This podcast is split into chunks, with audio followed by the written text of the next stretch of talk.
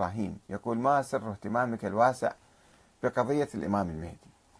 الإمام المهدي في فكرة يعني فيها جوانب سلبية فيها جوانب إيجابية. الأمل الإنسان عندما يعيش واقع ظالم واضطهاد وظلم يعمل واحد يجي يخلصه هاي فكرة طبيعة إنسانية. والإمام المهدي كلمة الإمام المهدي هي معناتها الحاكم العادل الذي هداه الله.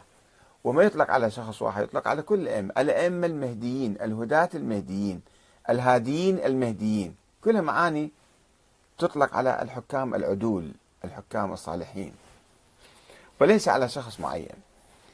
بعدين في القرن الثالث الرابع صارت آه، آه، هالكلمة هذه أو هذا المصطلح آه، على شخص معين هو الثاني عشر. الثاني عشر شيء والإمام المهدي شيء آخر. الإمام المهدي فكرة عامة كانت في القرون الثلاثة الأولى عند عامة الشيعة والمسلمين عموما. أي يأملون أن يأتي حاكم عادل ويغير الأوضاع الفاسدة. أما فكرة الثاني عشر هو المهدي وننتظر مجيئه ونعلق عليه كل الأحكام. لا يجوز أن نقوم بأي عمل ثوري أو حكومي أو دولة أو شيء إلا أن يأتي الإمام المعصوم المعين من قبل الله. هذا ضر الشيعة ألف سنة آه، أنه إحنا ما عندنا إمام بعد ما عندنا حكومة تهمشنا عن التاريخ خرجنا عن مسرح الحياة. وأيضا الآن من خمسين سنة تقريبا صارت نهضة شيعية جديدة محاولة تفسير التمهيد للمهدي أو القيام مثلا.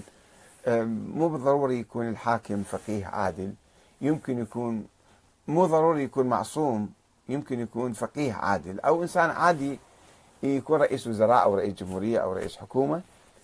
أه، أيضا هناك البعض يحاول أن يستغل فكرة المهدي لكي يفرض دكتاتورية مطلقة على الناس باعتباره هو نائب الإمام مثلا. هذه فكرة خطيرة أيضا.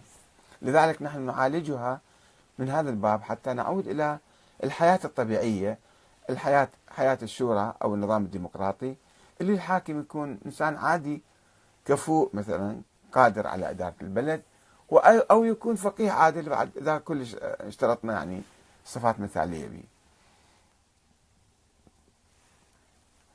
أه، هل تجد تضييق